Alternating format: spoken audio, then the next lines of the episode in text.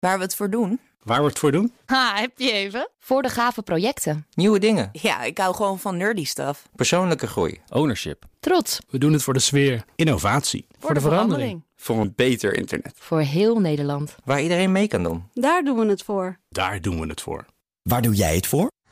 Kom werken voor KPN en groei op jouw manier. Check de actuele vacatures op het gebied van data, security, development en networking op jobs.kpn.com/tech. Ik ben Carlijn Meinders. Dit is Wetenschap vanavond. De grote trap is een enorme vogel. Van alle vliegende vogels is het, met mannetjes van wel 16 kilo, de zwaarste ter wereld. Je vindt ze in Europa vooral in Spanje.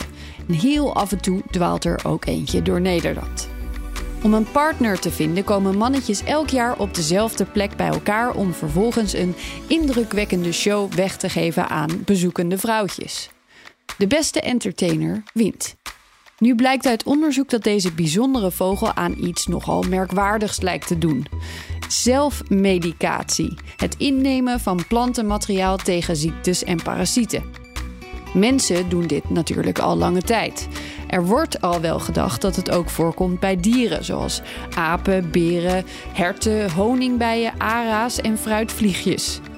Maar bewijzen dat het bij deze dieren ook echt gaat om zelfmedicatie is lastig zonder mogelijkheden voor experimenten met controlegroepen. Nou bestudeert een groep wetenschappers al sinds de jaren 80 de grote trap.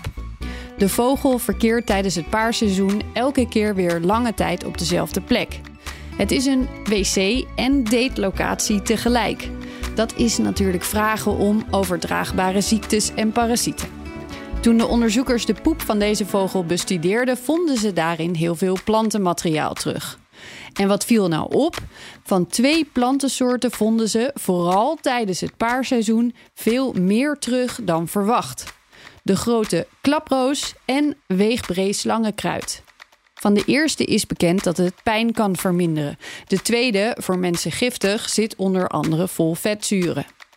Na meer onderzoek bleken de planten ook te werken tegen veel voorkomende vogelparasieten en schimmel.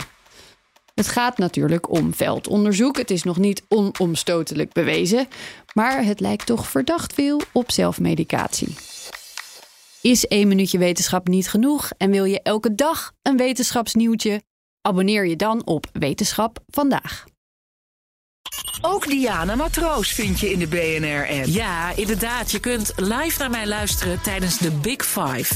Ook handig in de BNR-app. Breaking nieuwsmeldingen, maar ook het allerlaatste zakelijke nieuws.